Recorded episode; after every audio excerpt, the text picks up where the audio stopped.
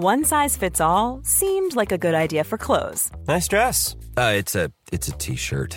Until you tried it on. Same goes for your healthcare. That's why United Healthcare offers a variety of flexible, budget friendly coverage for medical, vision, dental, and more. So, whether you're between jobs, coming off a parent's plan, or even missed open enrollment, you can find the plan that fits you best. Find out more about United Healthcare coverage at uh1.com. That's uh1.com. Many of us have those stubborn pounds that seem impossible to lose, no matter how good we eat or how hard we work out. My solution is PlushCare. PlushCare is a leading telehealth provider with doctors who are there for you day and night to partner with you in your weight loss journey. They can prescribe FDA-approved weight loss medications like Wagovi and Zepbound for those who qualify. Plus, they accept most insurance plans. To get started, visit plushcare.com slash weight loss. That's plushcare.com slash weight loss. Carete, Anita! Jag skulle snarare säga merhaba, Ann. jo, jag har känt mig mycket förvirrad här på ön. Nej, nu gjorde du, gjorde du det. Ja, okay, okay.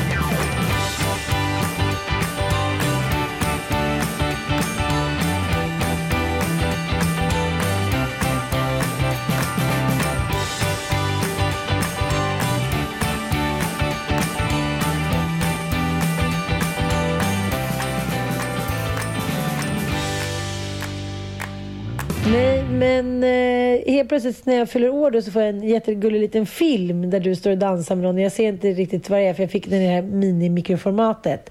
Men jag tänker så här, har hon redan varit i Grekland, åkt hem och träffat Klara och sen dan- gjort en liten dans eh, med Klara och Felix och sen, jag, jag, fick liksom inte ihop det men sen förstod jag ju eh, efter jag smsat att du kom aldrig till Gyrons förlovade hemland. Precis exakt så var det. Två dagar innan avresa till Grekland så ringer resebyrån och säger att Grekland har förbjudit alla direktflyg från Stockholm. Eh, vi kan boka om dig via Köpenhamn. Vill du det? Samtidigt så hade jag fyllt i någon form av vad som jag kallar för elektroniskt ESTA. Nästan för att få åka in i Grekland fast som mer funkade som någon form av hälsodeklaration. Och då står det ju mycket väl var jag kommer ifrån. Och så frågade jag resebyrån om eh, kommer det här vara problem då när jag kommer in i landet? Eh, mm, och då kunde mm. inte de garantera att det inte skulle vara det. Och då kände jag så här. I Turkiet känner jag folk. Jag känner turkar, jag känner svenskar. Jag kollar med mitt försäkringsbolag, jag är 100% täckt. Det UD-avrådan gäller är primärt krig och naturkatastrof. Eh, och försäkringsbolagen, de flesta i alla fall nu för tiden, täcker upp för det övriga. Alltså om jag skulle behöva ett ett eh, flyghem, flygtrans, sjukhus, flygtransporthem så skulle jag få det också. Eh, så då kände jag bara nu gör vi, tar vi ett snabbt beslut och sticker till Turkiet som egentligen var ursprungsplanen. Sagt och gjort, så tre dagar senare var jag där. Jo, men det var, helt plötsligt, det var alltså du och knölen. Eh, och, då menar jag inte, och då menar jag, det verkar också höll Joel väldigt låg profil. Nej, men han var inte med. Okej, okay, vad, vad var han då? Nej, men han... Jag förstår ju. Det är ju jättemånga som känner så här. Vi är ju lite olika i vår natur. Jag är ju ah. lite mer risktagare än vad han är. Liksom. Så mm. han, han fegade helt enkelt ur. Wow, så du åkte liksom iväg själv med kiddosarna och eh, bara drog en spontanare till Turkey. Hur länge var du borta? Det fattar jag inte heller riktigt. Jag var borta åtta nätter. Så jag körde Fakirflyget som går då sex ungefär på kvällen från Arlanda och landar klockan tre på natten i Bodrum. Så klockan fyra på morgonen så var jag framme vid vårt hus. Liksom. Ja, så... och du, du fick tag i ett hus? Och... Ja, men jag bodde hos dem så att det var lugnt. Mm. Okej, okay, och det var härligt? Det var helt fantastiskt. Och I början var det liksom så konstigt när man kom ut till Arlanda och alla hade munskydd. Det låter ju som så här... Det, det låter ju dystopiskt när man liksom inte har upplevt det. Och så kommer man ut på Arlanda och bara, men gud vad sjukt. Alla munskydd. Vi är i Sverige, det känns inte ens som Sverige. Det var ganska glest på flygplatsen ska absolut erkännas. Men inte jätteglest heller. Alltså mittemellan situation. För Klara och Felix hade åkt en vecka tidigare och då hade det varit liksom i princip noll personer. Och likadant mm. i Turkiet på Atatürk och sen så eh, i Bodrums flygplats. Men när jag kom så verkar det som att det hade släppt lite. För när jag kom till Bodrum så var det tre fulla bussar som åkte till gaten för internationella resenärer. Så att, och plus att turkarna då har ju precis gjort som svenskarna. De semestrar i Turkiet istället för att sticka till Grekland eller var man nu tar vägen liksom på sommaren. Mm. Så att det var ju jättemycket folk överallt. Men har, som kutymen är, du har på dig munskydd i matbutiken. När du går in på en beachclub men sen tar du av dig den liksom. Eh, och de checkar lite feber och sådär. Och det, alltså, grejen är så här, är du frisk? Det är ju inga problem. Liksom. Det är inga problem, det är ingenting att vara orolig för. Så att det är ju mycket liksom snack just nu och ryktespridning om hur det här funkar och inte. Så jag, jag vet inte, jag tyckte det kändes otroligt naturligt och respektfullt på något sätt. Liksom. Och jag kommer ihåg någon gång jag missade att ta med mig munskyddet till bagaren. Ja, då fick jag ett där. Så att det var ju liksom inget konstigt. Och folk handspritade små, små handspritningsstationer här och där på stan och sådär. Och innan man går in på en restaurang så är det alltid kutym att man gör det. Jag, bara, jag tycker det kändes liksom, det var inte speciellt märkligt. Och jag tänker nästan tvärtom nu när jag kom tillbaka till Sverige. Why don't we do it here? Liksom, lite så. Mm. Varför gör vi inte Varför har vi en sån motvilja mot att sätta på det där lilla papperslappen? Ja, och feberchecken. Det är väl jättebra. Så här. Det är fan en, en hälsogaranti för alla. Liksom. Eh, men jag måste också säga så här. Det, här på Gotland så träffar man ju liksom 200 personer i veckan som man inte har sett då på några månader hit och dit. Och de flesta kramas ju verkligen. Liksom. Ja, gud ja. Alltså, ja nej, vi, eh, vi, är inte, vi är inte särskilt skitnödiga i Svedala, det kan jag inte säga. Det kan inte säga. Nej, det kan man verkligen inte säga. Jag tänkte också, det kommer en så här stor turistbuss eh, från så här med turister från eh, Peking. Liksom. När vi eh, landade på Arlanda så kom det liksom ut massa.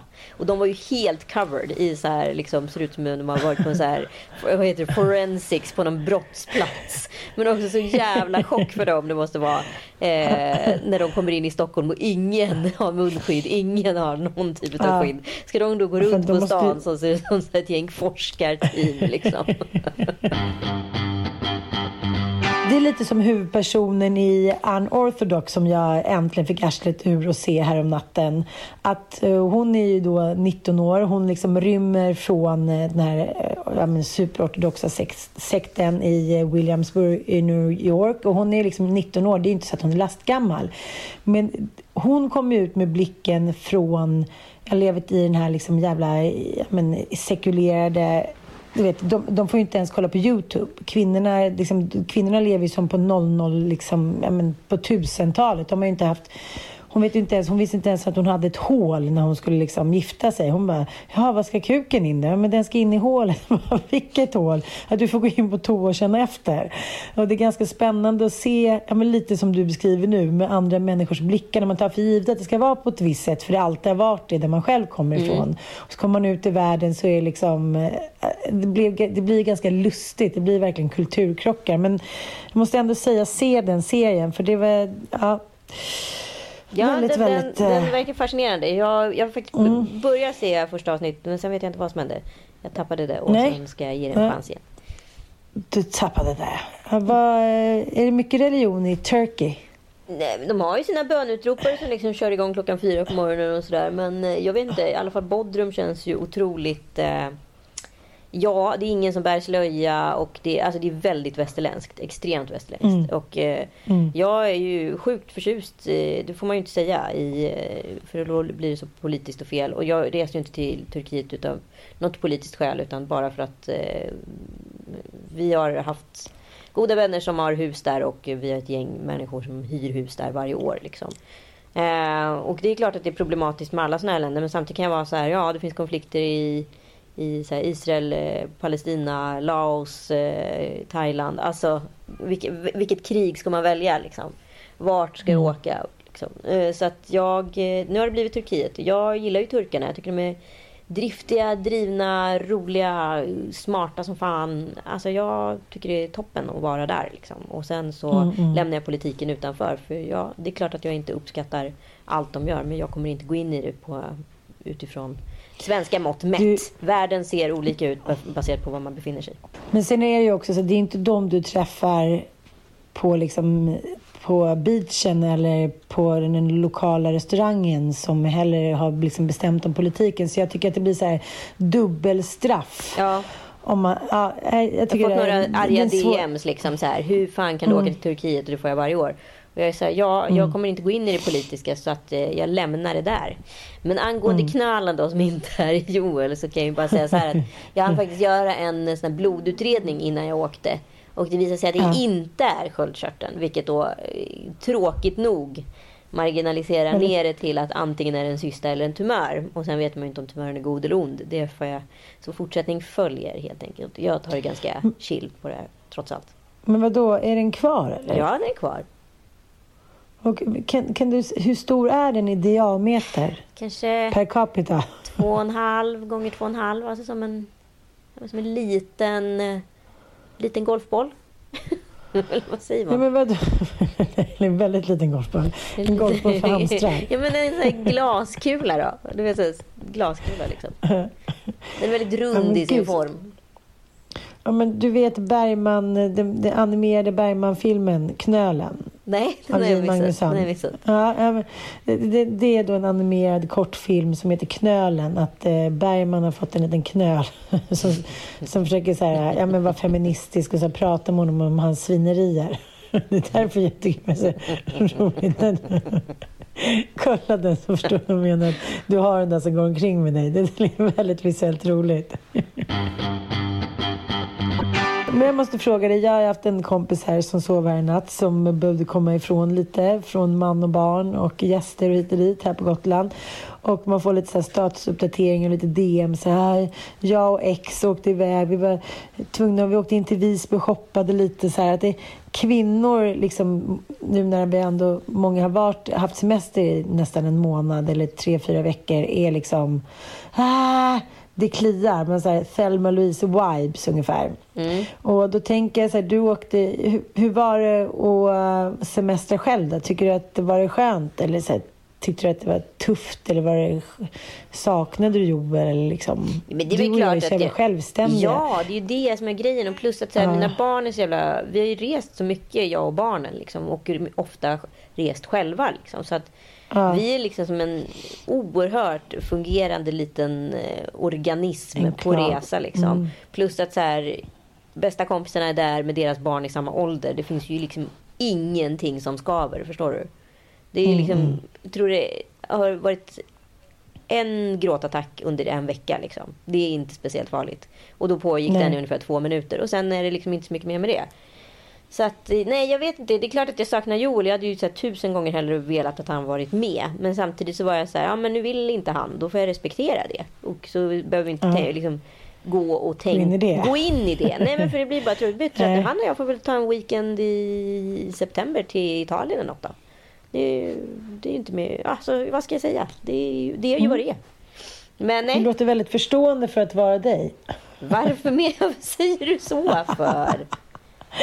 Nej, jag menar inte så. Jag bara, du vet ju själv när man har en egen ståndpunkt och så, tycker, så är den andra inte med på den. Det är ju svårt för både dig och mig. Och jag tänkte bli lite, i morse när jag vaknade lite tidigare än alla andra, så tänkte jag så här, men gud, det, man kanske, det var väldigt moget att du sa så där, men att man, man, man, man är så här, your way or the highway.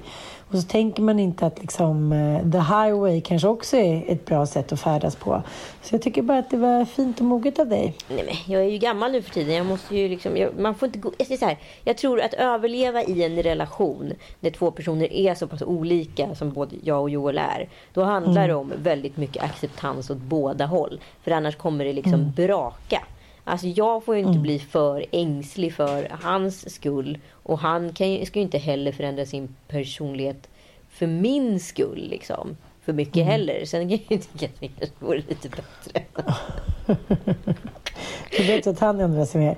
Nej, men det blir också så jävla tydligt när man hamnar i olika små enklaver, familjeenklaver, att det är så här, Nej, de flesta är ju liksom som man umgås med är, är ju över 40 och vissa har man ju umgåtts med i ganska många år. Mm. Och det här med att man ska här, tro att människor ska förändra sig, så här, don't shoot the messenger. Men det är ju inte riktigt så. Nej, men precis. Antingen får man säga... Var, var är du? Du är, du är någonting på gång här känner jag.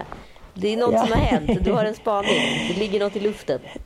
Eh, nej, men ja, ja, eller nej, ja, jo.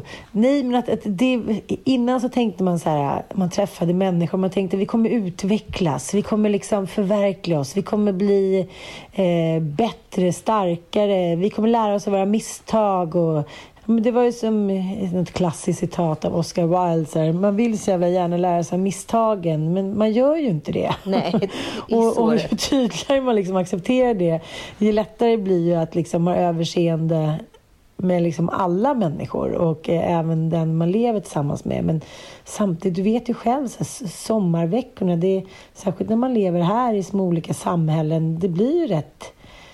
Men, jag, jag det är rätt tärande ibland liksom. Ja, och jag tycker att det blir också det är ganska intressant att så här, de som kanske har lite mer stålar, som har fått jävligt mycket hjälp, kanske både med barn och ja, men, städning och liknande. Det är ju inte samma Alltså det är inte samma liksom, vad ska man säga, spelregler i år. Så jag tycker det är som att det har blivit lite mer jämlikt. Förstår du mm. lite vad jag mm. menar? Att alla spelar lite liksom alla liksom lallar runt och gör det bästa av situationen. Men, men det blir också tydligt för många, tror jag, hur mycket hjälp man har mm. och att det är tungt att rodda det själv. Liksom. Jag, är ju så här, jag roddar det mesta själv med så fem barn och middagar hit och dit. Och nu, som vanligt, liksom, när man närmar sig slutet av juli så är jag rätt slut. Liksom. Mm, semester på semester. Ja, och, och, där är vi olika. Liksom. Dels vill vi både, det är tennis och vi vill åka någon annanstans och vi vill ha middagar och vi vill bort på middagar. Men när vi kör här hemma, då är det ju ändå jag som roddar. Så är det bara. Mm. Och, liksom jag kan, och det är lite som när acceptans, jag orkar liksom inte gå in i det längre. Att så här, men ser han inte att jag behöver hjälp här ute i husfrun?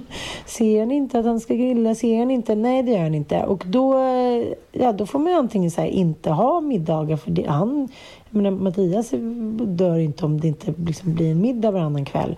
Så då får jag rodda det och då blir det också liksom tungt. Förstår du lite vad jag menar? Ja men precis, men man där... skapar ju sitt eget öde på något sätt. Nu är det så här, ja men okej, nu har ju jag gjort det här i en vecka och var borta. Då får ju han liksom steppa upp mm. lite här hemma då och kanske hjälpa till lite mer med barnen i två, tre dagar.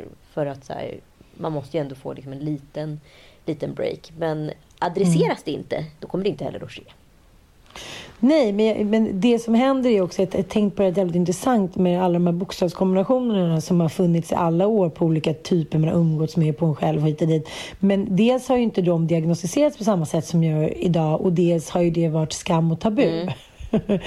så jag tänker till exempel eh, om vi ska prata om mitt ex eller jag pratade med en annan tjejkompis förra veckan som har en liksom, ja, men ex som antingen då är någon lättare autism eller Asperger eller liksom en hop av alla ADHD hiten och ditan. Och så har man suttit på massa middagar eller varit på semester så tycker liksom alla runt omkring att man är ihop med ett arsle. Förstår du vad jag menar? Mm. Men han, är inte intresserad. Fattar han inte? Varför ska han höja musiken nu? Eller varför gick han och las? Eller vad, liksom, du vet, man sitter där och så här, försöker försvara hitan och ditan. Och så visar det sig att det var en Ja, men det var liksom en, en bokstavskombinationsgrej som, som gjorde det här. Och, och sen så, så det vill, alltså, förstår jag menar? Det, det kanske har gått många år och det har snackats skit och sen så kommer det fram då och även för en själv. Eh, jag vill bara, just det här med acceptansen, att här, vi kommer inte kunna ändra de här kufarna, vi kommer inte kunna ändra oss själva. Och då får man bara gilla läget på något sätt. Det, det ja, ja det, det, är min... Men plus att jag tycker det är som att Corona har gjort också. Så här, jag och Joel har ju varit hemma med varandra sedan februari. Det är ju inte så att vi inte har sett varandra. Så att så här, det, det, det, snigen, har, snigen har skuttat omkring där ja, med sina det är ju...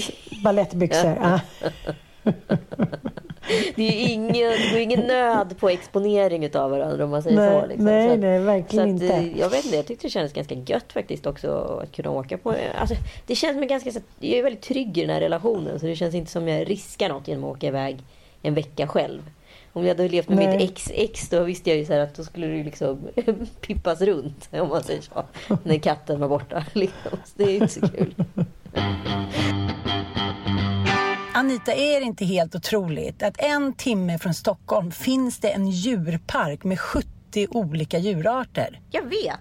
Det är helt otroligt. Säga vad man vill om djurparker. Vissa tycker att det är liksom jätte liksom radikalt. Men man kan ju också se det som ett form av bevarandeprojekt för utrotningshotade djur. Och just det håller faktiskt Parken Zoo på med.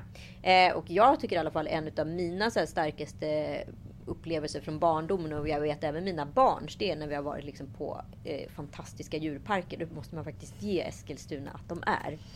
Parken Zoo. Ja, och eh, det är inte bara djur där utan man kan bada, det finns flera olika pooler, man kan äta gott, man kan sova över där i små stugor eller på campingen. Så man behöver liksom inte ta alla djur samma dag. Man kan dela upp det lite så kan man prata lite om djuren också. Så att, eh, ja, nej, jag har varit där flera gånger och jag tycker att det är mysigt också att det är lite mindre. Det finns andra djurparker som är gigantiska och det kan bli lite tungrot tycker jag. Det här blir lite liksom, intimare tycker jag. Sen har de ju det här lilla minisot också som är sjukt gulligt med små eh, tamdjur som går liksom fritt på området. Det här älskar ju ungarna.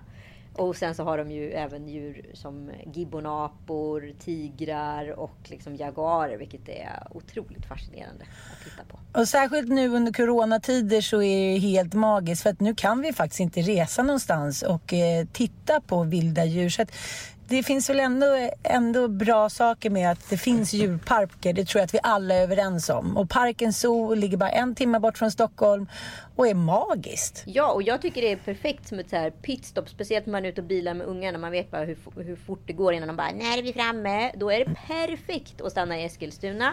Köra liksom antingen ett, ett dagsbesök eller sova över och besöka Parken Zoo. de är vår samarbetspartner den här veckan så om man bokar online på parkenzoo.se och skriver in Lille Lordag med stora bokstäver. Då får man 50 kronor rabatt per barnbiljett när du köper biljetter. Mm. Inte dumt. Nej, då blir det billigt också. Tack Parken Zoo! Tack Parken Zoo! Jag har en tjejkompis nu som eh, hon har separerat ganska nyligen. Ja, men det är inte så mycket som är särskilt kul. Liksom. Du vet, man ska köpa ett nytt boende i Stockholm. Det är liksom, jobben växer inte på träd. Ja, men det är lite tungt. Liksom. men samtidigt så kompenseras det av dessa coronadejter, ska jag säga. Jaha. För nu, ja, för nu är det här va. Håll i dig Samantha. Det är så här, Samantha slängde i väggen Sex and the City. Nej. jag bara, jag, jo, men när jag sitter på de här, är på de här drinkarna eller man hittar på någonting med tjej, små tjejgäng. Då känner jag så här, Nej men gud, det, liksom, det är precis som Sex and the City, bara att tekniken utvecklas. Förstår du vad jag menar? Ja, ja. Nu, nu finns det liksom Tinder istället för att man så här, sitter och skriver små annonser i så här, New York Tribe Tribute.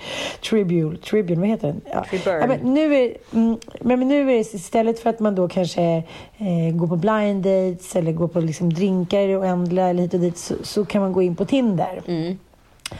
Och jag har bara, skrattat flera gånger. Jag har till och med så här, gått in och kollat på gamla Sex and the City-avsnitt för att jag kände så här, nej men det här är för roligt. Kommer du ihåg det där avsnittet när, eh, när Samantha, i det är en av de första säsongerna, sitter och pratar om att så här, hon är ledsen för att, eh, hon är ledsen för att hennes Richard då, som hon var ihop med, så här, att han har då ätit någon annans pussy och det gillar hon inte. Och det klarar, det klarar, det klarar inte Charlotte av.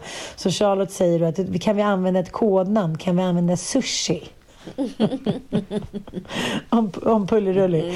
Och det här liksom, det är så mycket flashbacks av när jag hör de här liksom, historierna. Men då har hon då, jag har tre dejter på gång nu den här veckan. Och en dejt, nu blev hon så upphetsad så då gick hon ut och satte sig liksom i, i så här, hennes svågers bil och började köra liksom avancerat nätsex då med någon så här ja, men, tandläkare hon har träffat på nätet. Och nästa vecka så är det liksom, nu har det redan varit en 23-åring och sen, hon har liksom så jävla fullt upp. Men herregud. Hon säger, ja, och det är så roligt att höra. Men det är som hon säger, då är hon tillsammans med en snubbe som är 50 plus och hon är liksom 40 plus. Och hon säger de sista 5-6 åren så har det liksom men det har blivit så att han gillar mer att vara för sig själv och jag har blivit mer utåtriktad ju större barnen har blivit. Liksom. Mm. Men det jag faktiskt har börjat fnula lite på, suga lite på karamellen nu när jag hör eh, liksom, alla dessa kvinnor då prata om de här männen, hur de är tröttnat på dem och hur tråkiga de är och liksom, hur de känner sånt behov av att leva och hångla och brinna igen. Mm. Och då blir det såklart att så här, men männen har blivit gubbiga, männen är si och männen är så. Alltså de duger inte längre. Alltså de får inte att kittla till. De har blivit liksom trista kufar medan de själva fortfarande känner sig så unga och virila. Mm. Men så, så äh, träffar man lite så här, ja, men de här männen eller vet vilka de är hit och dit. Och så börjar jag tänka så här, tänk om det hela bara är en enda stor scam för att vi ska, så här, en gång till i livet ska få ge oss ut på banan. Fast det kanske liksom inte handlar så jävla mycket om dem. Det kanske mest handlar om oss.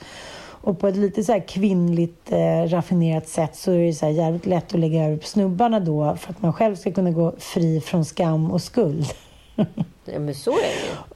Och också liksom det här uppdämda behovet att, men vad fan, nu är jag värd det här. Och, och eh, ja, men alla Samantha i Sex and the City liksom. Ja men kvinnan har ju blivit väldigt liksom, vad ska jag säga så här, med den kvinnliga friheten så har det ju också blivit eh, egoistiskt. Det tar ju ett tag att lära sig hantera den här nya maktstrukturen. Det är ja, makt ja. igen, det är det mest svåra man kan hantera på hela världen. Jag var faktiskt med om en jävligt intressant grej för, förra sommaren där liksom då jag har hört historien om min kompis, eh, kompis vad heter det, liksom snubbe under år. Hur han ah. är, hur tråkig han är, hur fruktansvärt det är och så vidare. Och hur han drar ner henne och tynger henne och sådär.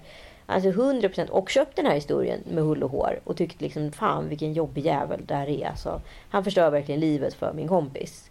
Eh, mm. och, stackars henne. Stackars henne. Och sen då eh, när jag... She deserves better. Ja. Uh. Nej men och sen så då när jag, vad heter det, för då eh, ska jag sova över hos dem i två dagar. Då inser jag att han är ju råskön. Han är 100% mm. råskön. Och allt egentligen som hon har sagt om honom, det är 100% projektioner utav vad hon själv eh, är. Alltså, alltså, hon har liksom pa Aha, paketerat alla sina dåliga sidor och liksom lagt dem på honom istället för att liksom se hennes egen roll i det hela. Liksom. Så jag blev helt, det var som så här, det var verkligen som den där berömda järnridån som man pratar om när man pratar om Ryssland föll. Liksom. Mm. Men det är lite som att hon har ju så skapat sin egen Dr Jekyll och Mr Hyde. Ja. Fast liksom lagt över den på honom. Exakt. Men gud vad obehagligt. Ja, men så jag tänker så här, och nu ska jag verkligen inte säga så. Det är många 50 plus-gubbar och det är oftast det jag hör som är orsaken varför folk faktiskt separerat. För att männen blir introverta, de blir kufar och liksom eh, snöar in och tjejerna blir... Och det stämmer ju i många fall också. Så det, Absolut, ja. men sen kan det också vara så här Alltså, kvinnor blir ju jätteextroverta plus eh, 40 men sen så blir ju också kvinnor liksom mer, mer lugna. Så då kanske man inte orkar med den där 23-åringen i slutändan. Alltså, det, det kommer ju, det kom, den dagen kommer ju ske. Liksom. Så, så är det ju när klimakteriet kommer. Så jag tänker bara att så här, mm. i slutändan, om man hade hållit ut de där åren då. Hade man mötts mm. på andra sidan, även om det hade tagit tio år, hade det varit värt det? Eller hade det inte varit mm. värt det? Det är den diskussionen jag skulle vilja ha. Jag tycker det är spännande. Den är jävligt spännande. Så här, jag tar hellre tio dåliga år och sen så liksom och sen så får jag så här, forever and ever, ja men lycklig ever after. Ja, jag tycker det är jävligt spännande ja. att man precis liksom faller lite på målsnöret. Och så kan jag också känna med många som, ja men så kan jag känna själv också. Man, jag pratade med en kompis igår och hon bara, men nu är era barn mycket större. Nu är ni snart där. Nu är ni liksom nära målsnöret. Men det är också då man är som tröttast. Men, men samtidigt säger jag, jag tror inte männen heller de märker såklart inte. Jag tycker också att det, att det blir så att män går också in för sina jävla hobbys bara. Som fanatiska jävla galningar också efter 50. Det är bilar och det är båtar och det är fiske och det är liksom... Jag bara kollar på Instagram och känner så här, gud jag blir rädd. Är jag en enda men, man som är, så här, hjälper till där hemma? Men jag, Eller tänker bara mer, ute och så här, jag tänker mer trålfiskar. Ska man inte bara låta folk få löpa sina linor då? Måste man alltid sitta ihop? Jag tror att det är det som är liksom konventionen mm. runt äktenskapet och vad som ska instiftas i det. Det är lite det som ska skrivas om. Jag, ju, jag skulle ju mm. hellre, på ett sätt, per definition, jag kan ju bara tala utifrån. Jag, vet, alltså jag har ju gått igenom en separation liksom och vet vad det kostar. Det kostar jävligt mycket. Ja. Det, tar, fan, det har tagit mig tre år att hämta igen ekonomin liksom som jag hade ja. post liksom, eh, relation till efter. Mm. Och det, det är ganska så kostsamma år. Liksom. Det tar mycket. Du ska ha mycket mm. kraft och energi och orka genomföra och driva. Det är inte säkert att alla går ur en skilsmässa eller med samma ekonomiska status. Liksom. Eh, vilket såklart också kommer påverka. Tänk om man istället då kunde tänka så här. Okej, okay, det kommer vara jävligt tufft nu i tio år. Vi ska inte mm. så här, ställa för mycket krav på varandra under de här tio åren. Du gör din grej, jag gör min grej. Och sen kanske vi hittar tillbaka till varandra. Men när vi är 58 år och känner vi att det är en främling vi tittar på. Ja, då kanske vi ska separera. Men det kanske ska låta det gå åtta år. Alltså så här, åtta, som vi skulle kalla för åtta dåliga år. Men sen kommer det ju en ny vår. För det är ju väldigt många faktiskt som har separerat som sen har blivit ihop igen senare i livet. Så, Men sen tror jag det handlar också om det där att man, när man är nykär så ser man ju inte de här kuvsidorna. Så helt plötsligt, liksom efter när barnen har blivit större, så helt plötsligt, då kommer den där mannen eller kvinnan tillbaka som är så här, men gud, det var egentligen den här personen hela tiden. Och det är det som jag tycker också är det fula lite. För man har blivit kär i en viss person som hade exakt samma drag då.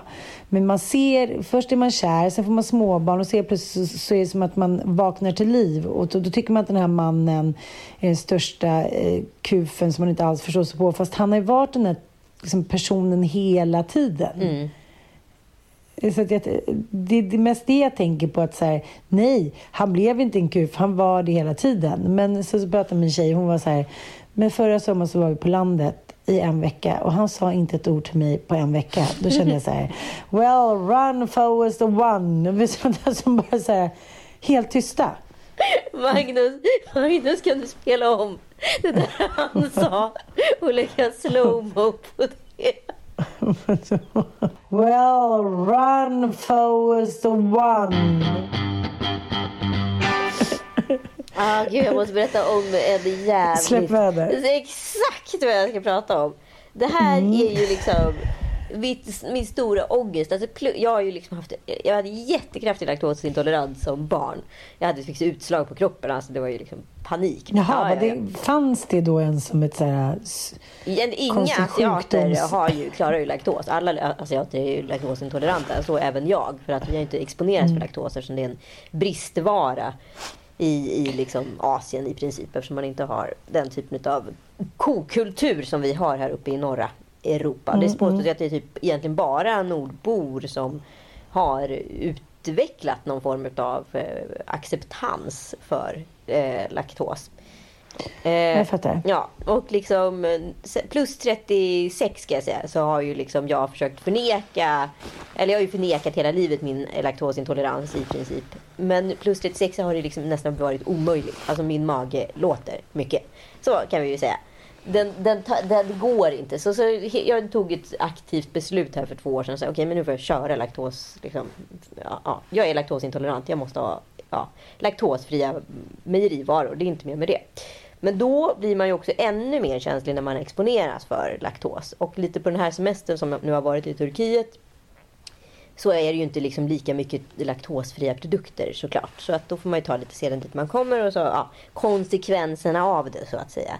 Och sen så kommer jag hem och hamnar på middag med Ebba Busch bland annat och Marilyn med Stenlund, min kompis, hemma hos dem i villan i Mälarhöjden. Och eh, det som händer är att vi sitter och käkar så här smetana med, med vad heter det, silverlök och löjrom. Och det är så fruktansvärt gott så jag käkar ju på.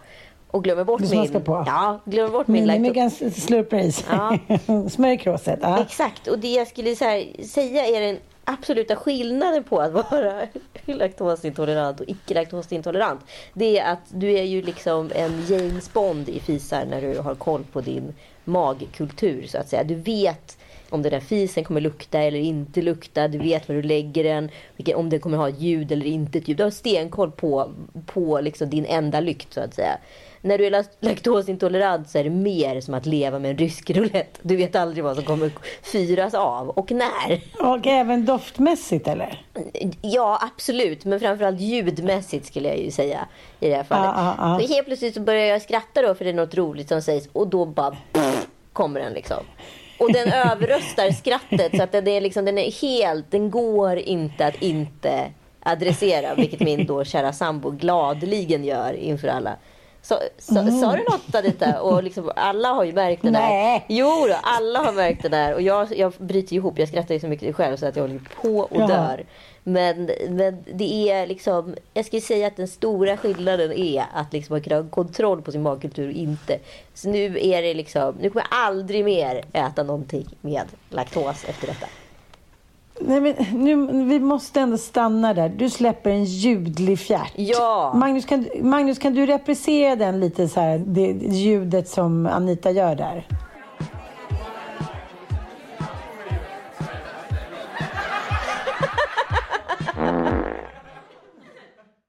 Först blir det ju så här att först är det ingen som vill låtsas om att de hörde det fast det är så uppenbart att alla har hört det. Och sen så adderar då Joel på så här, sa du något eller inte? Jag tyckte det lät som att du sa något. Och då bryter ju jag ihop liksom och då börjar de andra också skratta såklart. Man gör det ju väldigt snällt med tanke på att de så här, vill inte förstora min genans som är liksom oerhörd i det här laget. Nej, jag fattar, jag fattar. Men, men är det då så här, försvarar du det då, berättar liksom eh, laktosintoleransproblemet? Ja, jag säger det. Jag säger det, för vad ska jag göra liksom? Jag är ju, jag är ju, jag är ju fången i min egen magkultur. Eller tarmkultur eller vad jag ska kalla det för. Ja, men hur, hur, hur, snabbt tycker du att stormen bedarrar där inne? Nej, men det alltså? går ganska fort liksom. Men det är ändå ja. plågsamma... En plågsam minut, så kan man väl säga.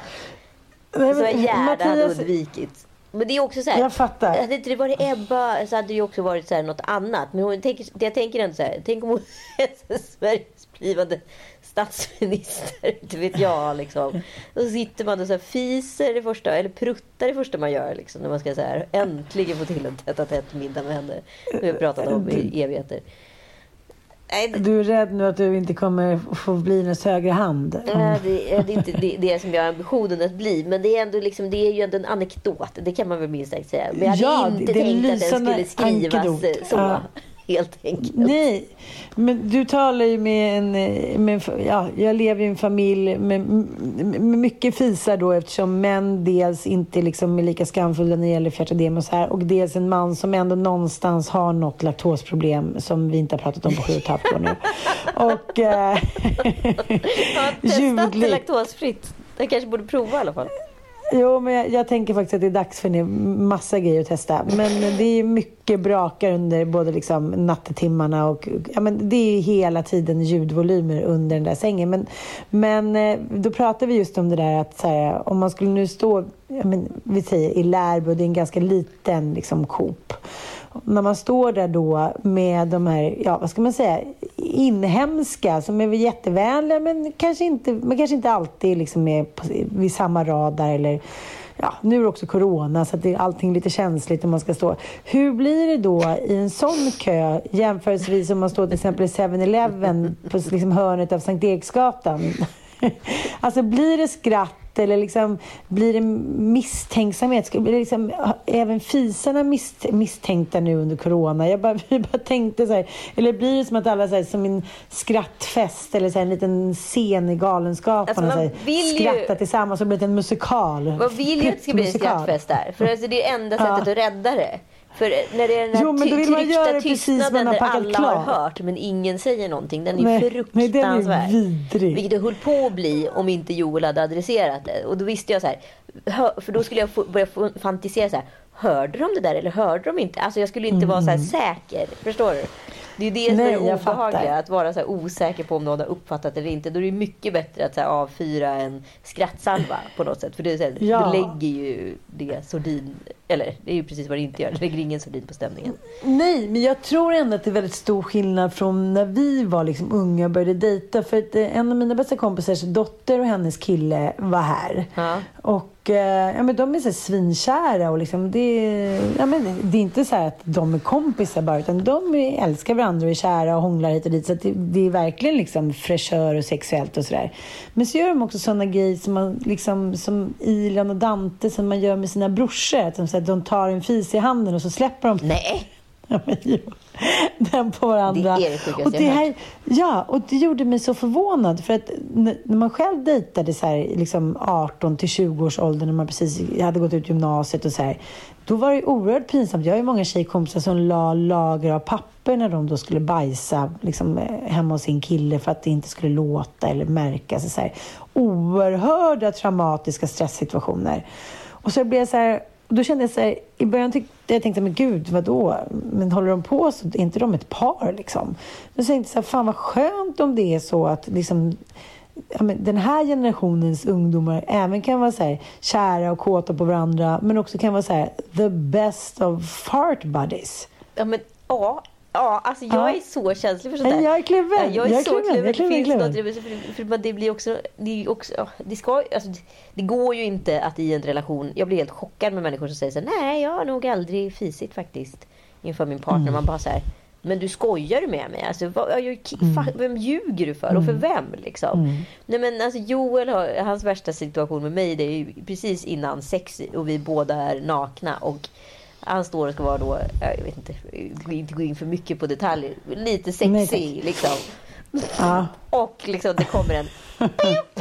Du vet en sån liten så här riktig ballong, ballongknutspip liksom.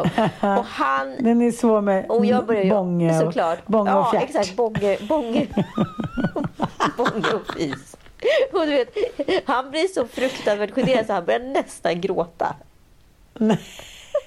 Han är tvungen att gå ut och här, lämna rummet, sätta sig i soffan, får, får absolut inte bli störd för han här, måste återhämta sig från chocken utav detta. Och du vet, jag skrattar så mycket, jag skrattar så mycket så att jag håller ju på att svimma. Jag vill ju tycka synd om dem, men det går inte liksom. Nej, nej. Men du är ju inte heller den som kanske så Den finkänsligaste. Nej, utan, nej, men jag kanske skulle så här, försöka hålla mig lite och sitta kvar. Så här, ingen fara älskling. Men du ligger ju där inne som en så här skrockande Berit från Emma Boda som bara åh, åh.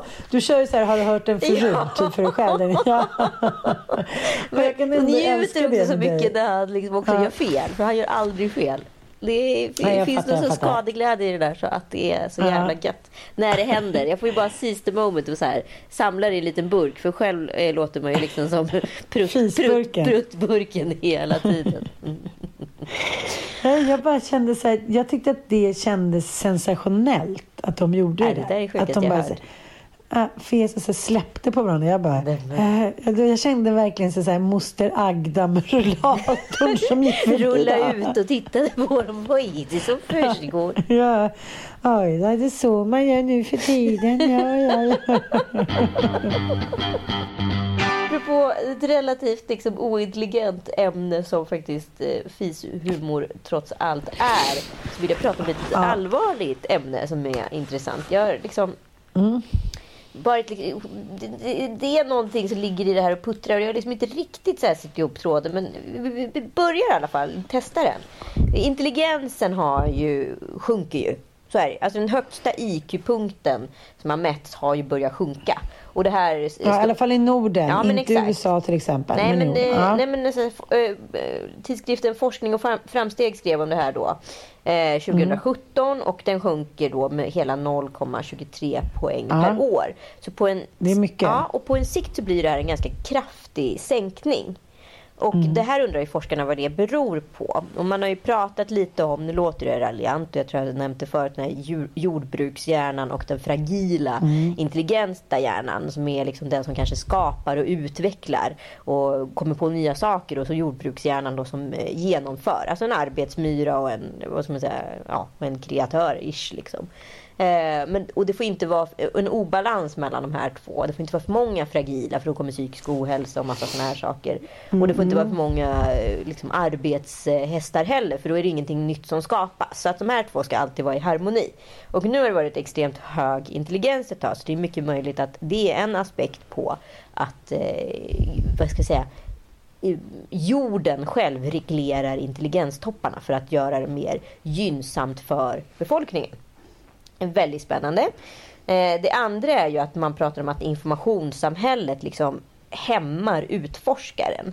Liksom när allting redan är en googling bort, då tapp, eller en algoritm bort, då liksom tappar vi den inspira, inspirationen och tron. För att människan är ju liksom skapt som en explorer, vad heter det, utforskare. Liksom. Vi ska ju ut, upptäcka saker. Det är ju en sak att så här, hur stavas det där och slå i ett lexikon och vad du då stöter på upp på vägen i det här lexikonslagandet. Det är en massa annan information också. Men idag kan du bara googla och du får svaret serverat liksom inom loppet av en hundradel. Precis. Eh, Du behöver, du behöver aldrig arbeta med hjärnan. Nej, precis. Jag tänker väldigt mycket på min egen ungdom när jag bodde liksom i Strömstad. Det fanns inga kommersiella musikkanaler. Ibland kunde vi få in en norsk kanal. Eh, men det var ytterst sällan det var en brusig. Så så här, för oss handlade det extremt mycket om att här, ta reda på så mycket information själv om saker och ting. Så man, jag hittade ett stort musikintresse i att behöva göra otroligt mycket research och liksom hittade nya band och hittade små fanzine och började prenumerera på grejer från USA. Ja men du vet, liksom, man kämpade på. Och idag är det liksom Spotifys algoritm som räknar ut det här.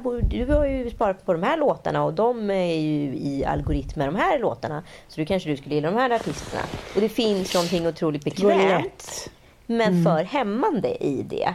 Så har liksom mm. informationssamhället då hämmat intelligensen. Vilket är en sån jävla spännande eh, liksom, teori.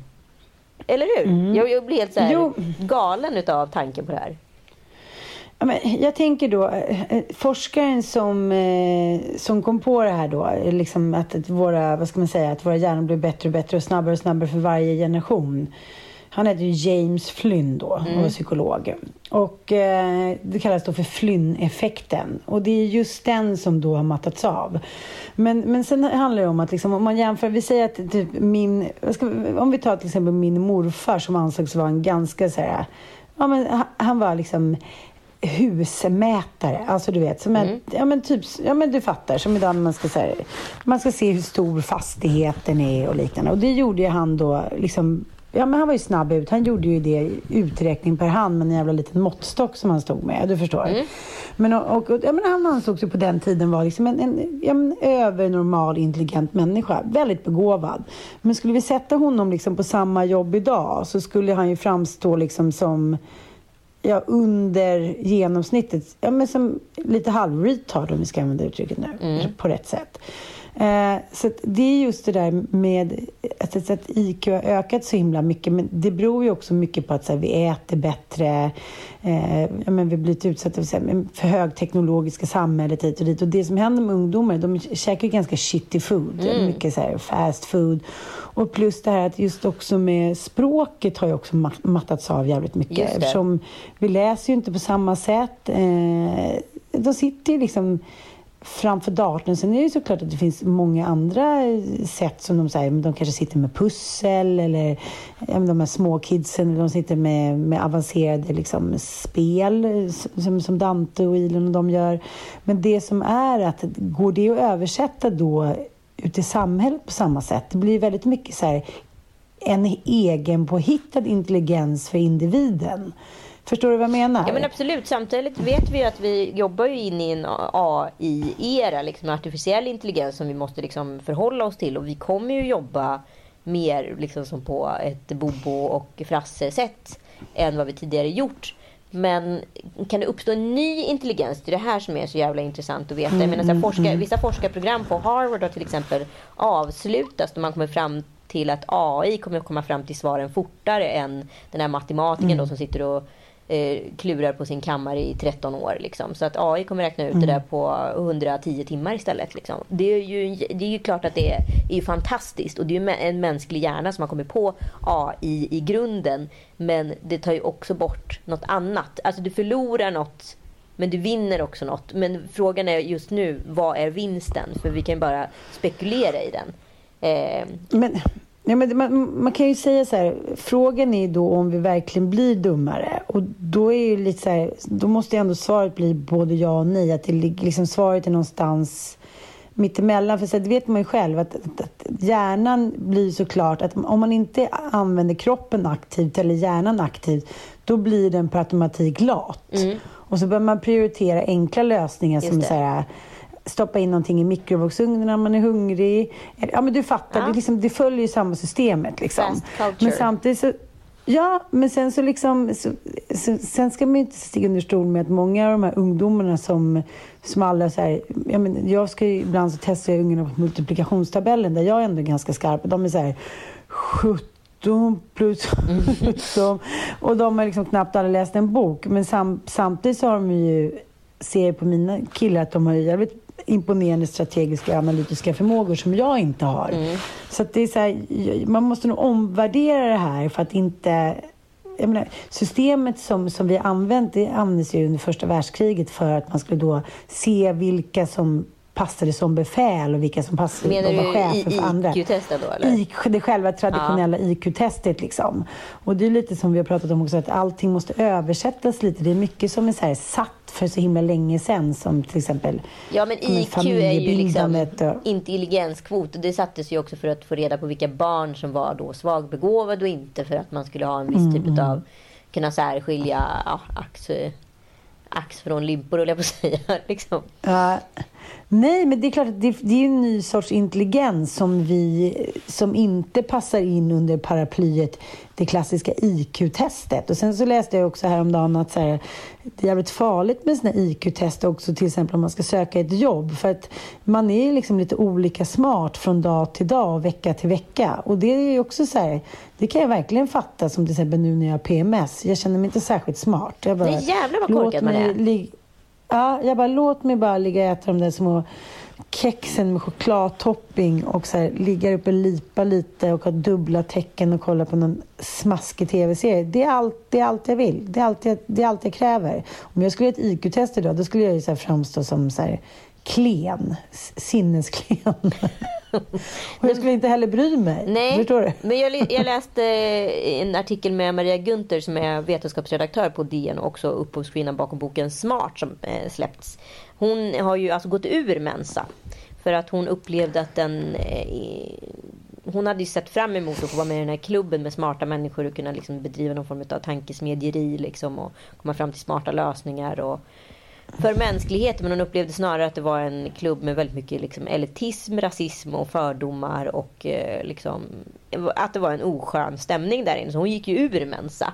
Och hennes konklusion är då, liksom, som hon skriver om i den här boken, det är ju liksom att intelligens är väldigt viktigt för att lyckas. Men andra egenskaper är ännu viktigare för att inte misslyckas. Och det tyckte jag var så jävla intressant. För att det handlar ju alltså inte bara om att vara smart, du måste vara kapabel. Och kapabel är Precis. något helt annat. Och vad det är, det kanske är det våra kids kommer ha som jobbar, kommer jobba in mot AI liksom på ett helt nytt sätt. Alltså, som vi liksom delvis ser idag redan på TikTok etc. Liksom. Jo, men om man ska knyta an till det vi har pratat om innan, så kvinnor plus 40 som är så här, rider in på en andra, inom parentes, kåtvåg och så här, undrar vad som händer med deras snubbar och inom parentes kufar. Eh, det är ju lite, om, om man också ska dra en till parallell till Sex and the City, att så här, Eh, I Sex and the City blir det väldigt tydligt att precis när, det här kom, när den här serien kom då 1998 så var det fortfarande att bilden av kvinnan var att man kunde vara framgångsrik och stark men innerst inne så var ju ändå kvinnorna ytligare och svagare och eh, beroende av männen. Innerst inne så var kvinnans en, liksom enda önskan alla Charlotte York att vara en perfekt kvinna och få perfekta barn och någon som försörjer den. Och eh, jag menar, det här matas vi ändå fortfarande med i, liksom, eh, ja, men i media och liksom i filmer och tv-serier och hit och dit, även fast det så här, såklart har blivit mer motvikt nu. Och då är det så här, när man lever i den här första familjebilden som man så här, på allvar jag menar, så, trodde skulle vara för alltid, korkat som man var. Man bara, det här är så perfekt och jag har mina små barn och jag klarar allt liksom. Och sen så helt plötsligt vaknar man upp lite ur den där dvalan som du säger och då blir allting annat än att så här, få förverkliga sig själv jävligt oattraktivt, inklusive ens karaslok liksom. Exakt. Och det är egentligen inte hans fel. Nej, det är hans fel. Men du, tackar Ja, så sjutton för den här veckan, Ann Söderlund. Så får vi se om vi Tack hörs nästa själv. vecka eller om vi tar ett litet uppehåll till. Jag tycker, nu tycker jag vi kör, eller hur? Ja, vi Det var kanske många gör som det. skrek ja. Ja, det blir vi kan inte, vi kan inte slö en vecka till nu när Nej, jag satt det kan vi inte. Nej, nu kan vi inte nej, läka något mer. Nej, Ja, men- jag kommer vara uttråkad nästa vecka också. Måste Perfekt. Och vi har ju faktiskt så många ämnen kvar som vi skulle tagit i den här podden Ja. som vi inte hann med. Och nu måste du åka till båten Ann och hämta upp dina pojkar. Ja, det var det. Ja. Puss och kram. Puss och kram. Vi hörs om en vecka. Hej hej.